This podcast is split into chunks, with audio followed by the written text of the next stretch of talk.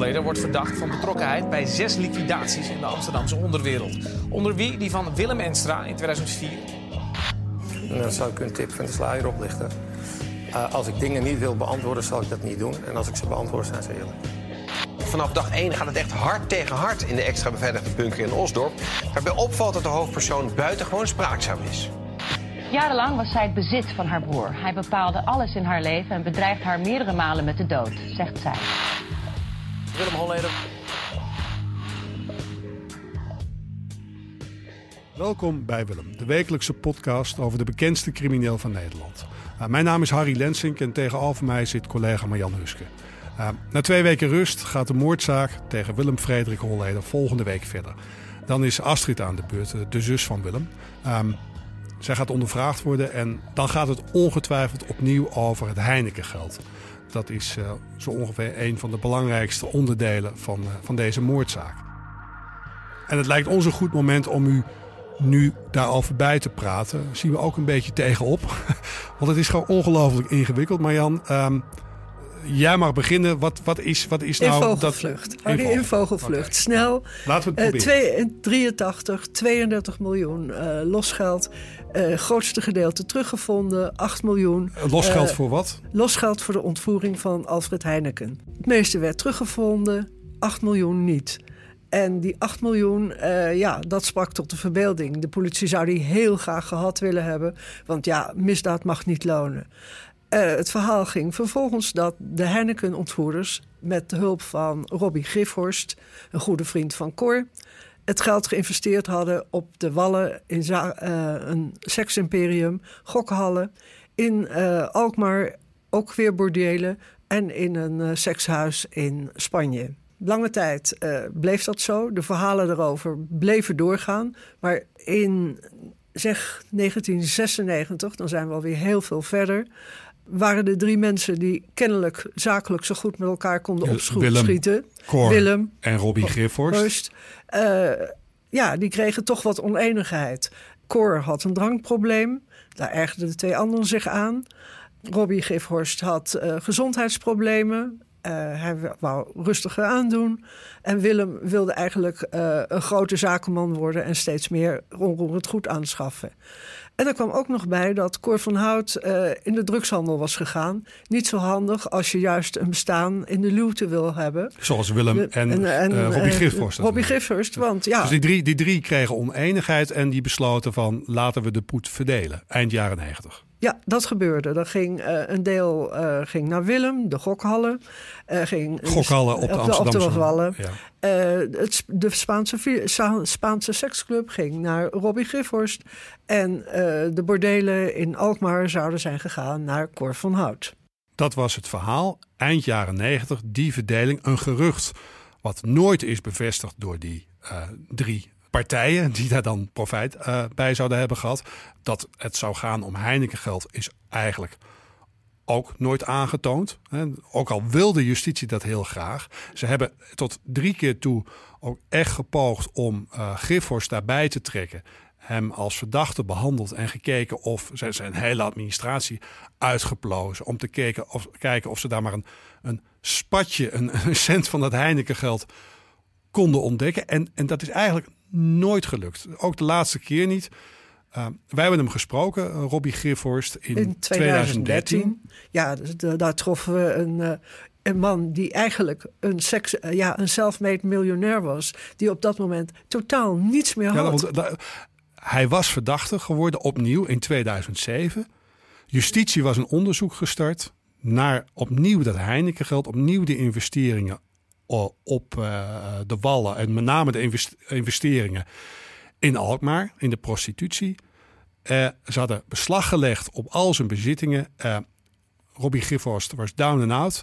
En toen we hem troffen, vertelde hij dat het allemaal weer grote onzin was. Hij had nooit, uh, nooit het Heineken-geld uh, aangenomen. Hij heeft, ik bedoel, jij, jij kan het nog zo... Ja, hij zei letterlijk van... ik heb in elk geval nooit iets van het Heineken geld gezien. Toen niet, Naderhand niet. Niet in Frankrijk, niet in Nederland, nergens. Dat was een letterlijk citaat dat we uit zijn mond optekenden. Ja, en hij voelde zich alleen maar zeer opgejaagd... omdat hij alleen maar de vriend van Cor zou zijn geweest. Niet eens van Willem, maar de vriend van Cor. Dat was wat hij benadrukt. Dat was, dat was in 2013. We, we interviewden hem omdat hij onderdeel was van een onderzoek... Het derde onderzoek. Maar hij zat daar niet alleen in. Het was heel pikant, want in dat onderzoek zaten ook de zussen van Willem. Uh, Sonja en Astrid, die werden ook verdacht samen met Robbie van valsheid in geschriften en witwassen. Ja, want er is natuurlijk ondertussen wel iets gebeurd. Want een van de Heineken-ontvoerders leefde inmiddels niet meer. Uh, Cor van Hout was in 2003 doodgeschoten. En als uh, iemand overlijdt, dan is er iets van een erfenis. En in dit geval zou je denken, misschien een criminele erfenis. Ja, het was een heel klein erfenisje, toch officieel? Ja, of, waarschijnlijk had Cor van Hout helemaal niets op zijn naam staan. Behalve één pand in Nichtenvecht, waar een hypotheek op was. En dat ging dan naar de kinderen. En uh, Sonja Holleder zelf was degene aangewezen die moest zorgen dat dat testament ook werd nageleefd. En ja. En, wat, en, en, en toen justitie ging daar toen meekijken. Die hadden informatie gekregen van, vanuit verschillende hoeken. Dat er toch wel wat meer, hè, die oude informatie van, dat zit, uh, daar zit dat Heinekenrad, zit in die uh, Achterdam, dat zit in die prostitutiepanden, dat zit in die gokhallen, dat zit nou, verspreid over Alkmaar en Amsterdam. En die zijn toen gaan zoeken. Ja. En gaan kijken naar wat er is gebeurd daar. En daarom hadden ze natuurlijk weer alles in beslag genomen bij Robbie Griffhorst. Ja. En Robbie Griffhorst had dus samen met, uh, ja, volgens uitgelegd aan justitie met documenten. Uh, dat dat eigenlijk toch een onzinverhaal maar, was. Maar, maar, maar wacht even, want wat, wat dacht justitie? Volgens mij dacht justitie dat het als volg was gegaan. Uh, Cor van Oud gaat dood. Sonja Holleder zit met de gebakken peren, of eigenlijk beter gezegd met 62 prostitutiepanden in, uh, in Alkmaar. Dan komt Robbie Griffhorst komt bij haar en uh, die gaat haar helpen. Natuurlijk, dat is wat hè? justitie denkt in 2007. Rob Griffhorst, het vriendje van Cor van Hout, die eerder een rol zou hebben gespeeld, speelt in 2007 opnieuw een rol, want gaat Sonja helpen en neemt die panden van haar over voor een fix bedrag voor een fix bedrag. Zodat uh, Sonja toch uh, geld weer heeft om te leven. Ja, en, en, en wat belangrijk is, ja, maar dat, wat belangrijk is, is natuurlijk dat ten eerste hebben ze dat stiekem gedaan. Ze hebben het verzwegen voor de fiscus. Dat is de verdenking. En ten tweede zou het gaan, wat jij net al zei, om een criminele erfenis. Dus er waren twee gronden om die dames toch. Want de, laten we even nog dat erbij zeggen. Astrid Holleder zou als. Uh, uh, was ook ja, verdachte, want zij zou geholpen hebben bij Was gemachtigd om, om, om op te treden namens Sonja. Dus die twee zussen zouden zich hebben schuldig gemaakt samen met Griffhorst aan witwassen en valsheid in geschriften. Nou, ja, om de erfenis uh, veilig te stellen. Dat wordt een enorm ingewikkeld onderzoek weer. Uh, allerlei stukken erbij gehad. Het lijkt erop dat, nou ja, daar wel wat rottigheid gaande is, maar dat leidt uiteindelijk toch niet tot een zaak. Nee, uiteindelijk niet. Kennelijk is het zo moeilijk te bewijzen dat dat geld van de Heineken-ontvoering af was. Na negen jaar was er nog steeds niet. En uiteindelijk kon Sonja uh, een deal sluiten met. Uh, ze treft een schikking met, met het OM. Ze heeft geen zin meer. Haar advocaat zei toen van. Ze kan er niet meer tegen. Ze wil hier niet meer, meer, meer verder mee. Um, ze heeft toen besloten om. Open kaart te spelen. Nou ja, ze heeft besloten. Nou, ze heeft tot, gezegd. Tot op zekere nee, hoogte. geen open kaart. Ze heeft gezegd: ik ga ik betaal 1,1 miljoen euro en dan ben ik van, van die vervolging af. af. Ja. Nou, maar wat er ondertussen ook was gebeurd, is iets heel anders. Die zussen waren gaan praten. Niet over geld, niet over witwas. Nee, over moorden, over liquidaties. Dus uh, Sonja Holleder heeft een deal met justitie, betaalt en is van de haak. Hoeft, uh, wordt niet meer vervolgd voor witwassen uh, of valsheid in geschriften. Maar ondertussen heeft ze op een ander vlak ook contact met, een open, met het Openbaar Ministerie. Ze is gaan praten. Ze is gaan praten over. Over haar eigen broer Willem. Over Willem die, uh, ja, die heel veel moorden op zijn geweten heeft. En wat vooral heel erg is, de moord op haar eigen man en partner, de vader van de kinderen. En ja, dat, uh, dat bekent ze nu zomaar. Ja, en dat is belangrijk voor justitie. Sonja en Astrid vertellen over uh, Willem die verantwoordelijk zou zijn, onder meer voor de moord op Cor van Hout. Nou, dat wordt nu Willem uh, voor zijn voeten geworpen in uh, dit proces, in dit uh, moordproces tegen hem. Um, ja, hij is natuurlijk enorm geschrokken toen ja, dat hij, naar buiten ziet, kwam. Hij ziet er natuurlijk een enorm complot in. Want hij denkt, mijn zussen zijn van de haak en ze beschuldigen mij. Dus ja, voor wat hoort wat. Ja, dat is, dat precies, is de gedachte dat, die dat hij is, meteen Dat heeft. is zijn verhaal. Hij zegt eigenlijk van... Uh, ja, Amhula, ze hebben een deal met justitie. Zij worden niet vervolgd voor witwassen en uh, voor die valsheid in geschriften. Waarom niet? Omdat ze zijn gaan praten en ze zijn gewoon valselijk gaan verklaren, zodat ze niet vervolgd worden. Dat is alleen maar in hun eigen belang. Ze hebben een financieel belang. Uh, we hebben dat ook even gevraagd aan uh, de advocaat van, uh, van Holleder, Sander Jansen. En die zegt daar het volgende over. De getuigen Holleder, Astrid en Sonja, die leggen het motief voor de moord op Cor van Hout... wat in hun verklaringen, nou, kun je wel zeggen, het belangrijkste zaak is... Het motief voor die moord leggen zij in het feit dat Willem Holleder de Achterdam van Cor van Hout zou willen afpikken. De prostitutiepanden in Alkmaar die een grote waarde zouden vertegenwoordigen. Um, dat is de ene kant van het verhaal. Dus dat zou de reden zijn dat Willem Holleder Cor van Hout zou willen vermoorden. Aan de andere kant van het verhaal komt daarbij dat uh, uit allerlei onderzoek dat we gedaan hebben en nog doen... blijkt dat Willem Holleder die Achterdam nooit heeft gehad... maar dat het deze getuigen zelf zijn geweest die die Achterdam hebben verkocht... en daar ook de nodige financiële middelen over hebben opgestreken...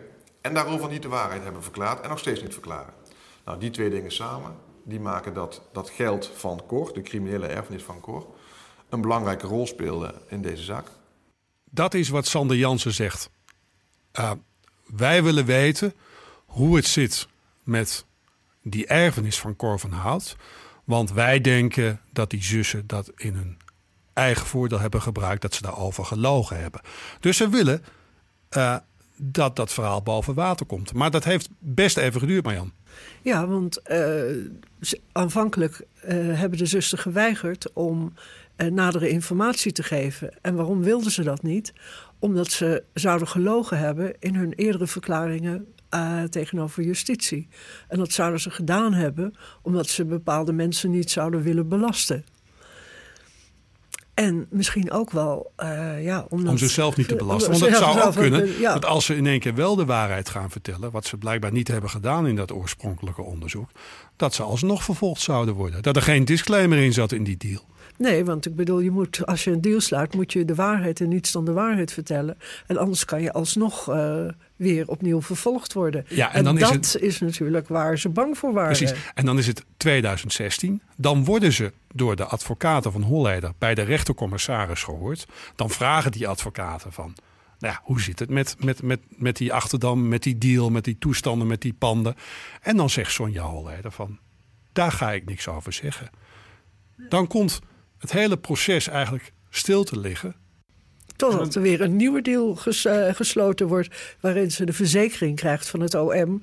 dat, uh, dat ze wat kan zeggen. zonder dat ze zelf opnieuw. Uh, misschien wel in de gevangenis zou komen. Precies, dat duurt dan zeven maanden, geloof ik. En dan, wat zegt ze dan? Dan, dan, dan legt ze uiteindelijk legt ze dus uit. Uh, wat, ze, wat, ze, wat ze eigenlijk verkocht heeft. Ze vertelt dat ze dan de Achterdam verkocht heeft aan Rob Giffhorst. En dat ze daar uh, 7 ton euro voor gehad heeft. Dat ze ook nog uh, goud gehad heeft, 40 kilo. Dat ze die 40 kilo goud weer aan een mevrouw verkocht heeft. En dat ze van die mevrouw uh, ook weer geld heeft gehad. Geld wat gestort werd op een rekening in Zwitserland. Kortom, weer een heel ingewikkeld circus.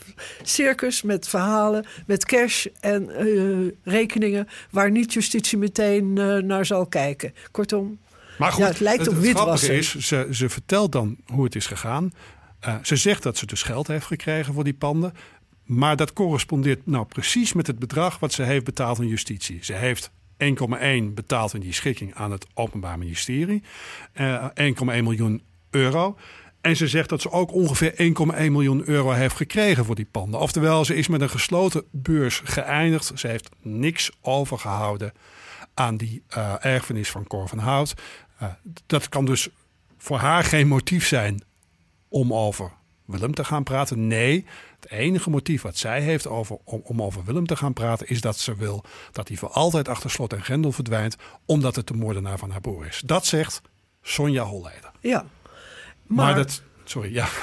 Maar ja, kijk, er is ook nog een ander verhaal. Want 1,1 miljoen voor die panden is wel heel erg weinig. Want als je bedenkt dat justitie in het verleden die panden op 7,5 miljoen uh, schatten. En ook andere mensen kijken daar toch wel met vreemde ogen naar dat ze wel met een kluitje bijna in het riet is uh, Sterker nog, Sonja heeft zelf gezegd ooit: het is 10 miljoen waard. Ja, dus uh, ik bedoel, het kan best zijn dat het toch nog niet de hele waarheid is. Sonja zou hebben gezegd dat hij uh, Achterdam 10 miljoen waard was. Dat zou ze zelfs tegen Willem hebben gezegd. Ja, um, tegen, de, tegen de broer voor ja, wie ze zo bang is. Ja, dat is toch heel gek. Want dan, dan, dan denk je van ik wil dat mijn broer daar afblijft. Wa maar waarom zou, zou, zou Willem die Achterdam eigenlijk willen hebben? Nou ja, kijk, uh, de Heineken-ontvoerders hebben samen die vreselijke misdaad begaan. Hebben een straf ervoor, ja. de straf ervoor uitgezeten. En ja, vervolgens is er ook nog weer verdiend aan de verhalen over die misdaad. En er is natuurlijk uh, nog altijd wat losgeld. En, en investeringen. En investeringen. Investeringen die veel meer gewaard zijn geworden. Zeker als die Achterdam 10 miljoen waard is. Dat is bijna het dubbele. Dan zou het Heineken geld bijna verdubbeld dus in De, in de logica dus van, een, van, Willem, van, een, misdadiger is het... Is, is dat is eigenlijk zijn geld ja. en niet het geld van zijn zussen. Dus in dat opzicht zouden de zussen best gelijk kunnen hebben... dat Willem uh, die erfenis van ze af wil pakken. Uh, ja, het zou zomaar kunnen, ja. Maar goed, dan zeggen ze 10 miljoen. Dat is dan gek, want dan denk je van maak het klein. En ze zeggen zelf, het is ook klein. We hebben er maar 1,1 voor gekregen. En dan gaan ze tegen hun broer zeggen, het was 10 miljoen waard. En dan komt Astrid Holleder met een hele gekke verklaring daarvoor. Daar heeft ze bij de rechtercommissaris iets over gezegd. Dan zegt ze, ja, als we tegen Willem hadden gezegd dat het maar 1,1 was... dan was hij echt zich kapot geschrokken, was hij boos geworden... omdat hij vond dat het veel meer waard is. Dus hebben we gewoon gezegd dat het 10 miljoen waard is om hem uh, rustig te houden. 10 miljoen. En we hebben ook nog eens gezegd, of Sonja heeft ook nog eens gezegd, dat het 10 jaar vast uh, zou staan, die 10 miljoen. Dus dat hij rustig zou blijven. Dus ze hebben altijd gehandeld, zeggen ze, uit angst voor Willem, uit angst voor Willem dat hij kwaad zou worden, dat hij het zou inpikken, dat hij hen wat aan zou doen. Willem Holleder. Willem Holleder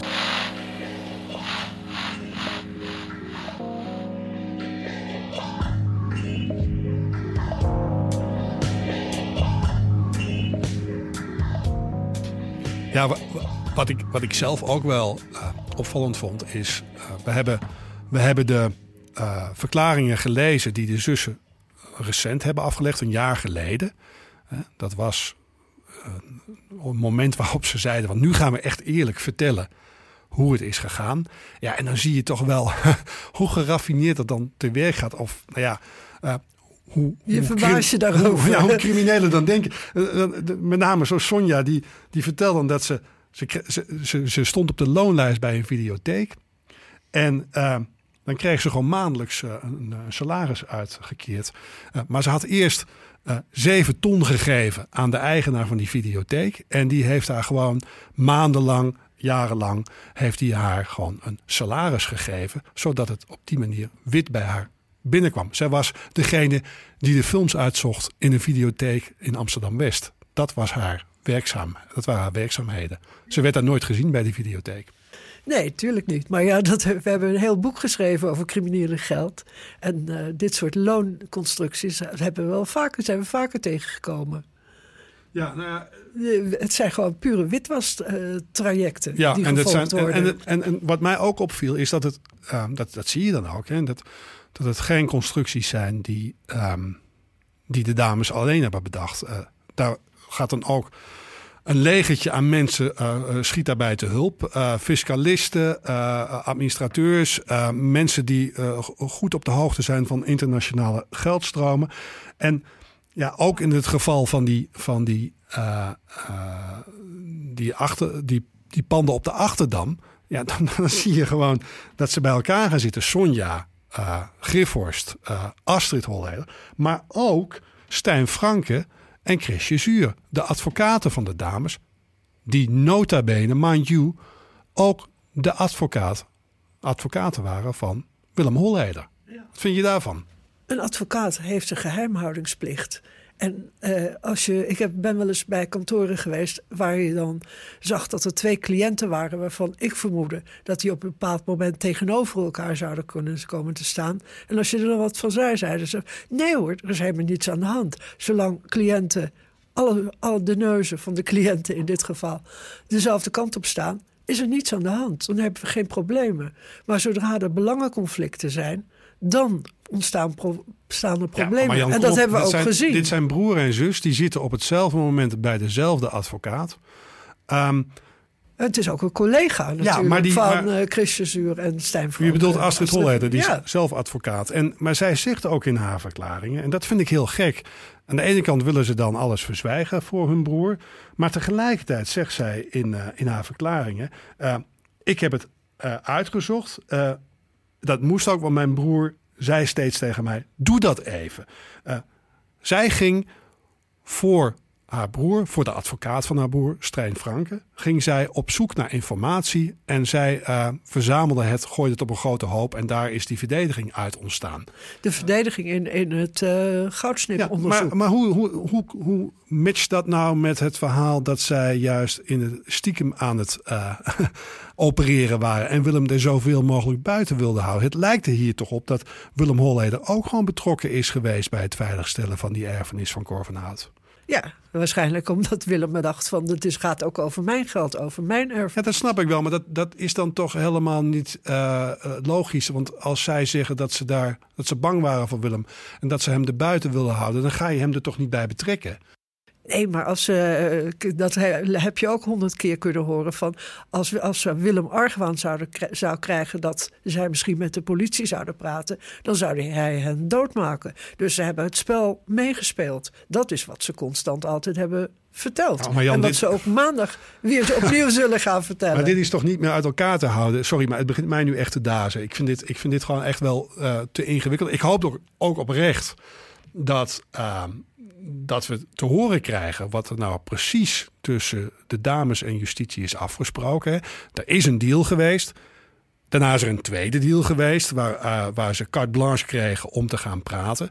Nu zeggen de advocaten van ja, maar wat ze nu zeggen, daar vragen we ons van af of dat wel waar is. Wij willen weten wat er in die deal staat. Ook dat hebben we even voorgelegd uh, aan, aan Sander Jansen, de advocaat van Holleder. En uh, dit is wat hij zei. Die deals die zijn gesloten met met name Sonja Holleder, die zien op diezelfde problematiek. Namelijk, wat is er nou gebeurd met dat geld? Wat is daarover verklaard? En um, hoe doen we dat strafrechtelijk verder af?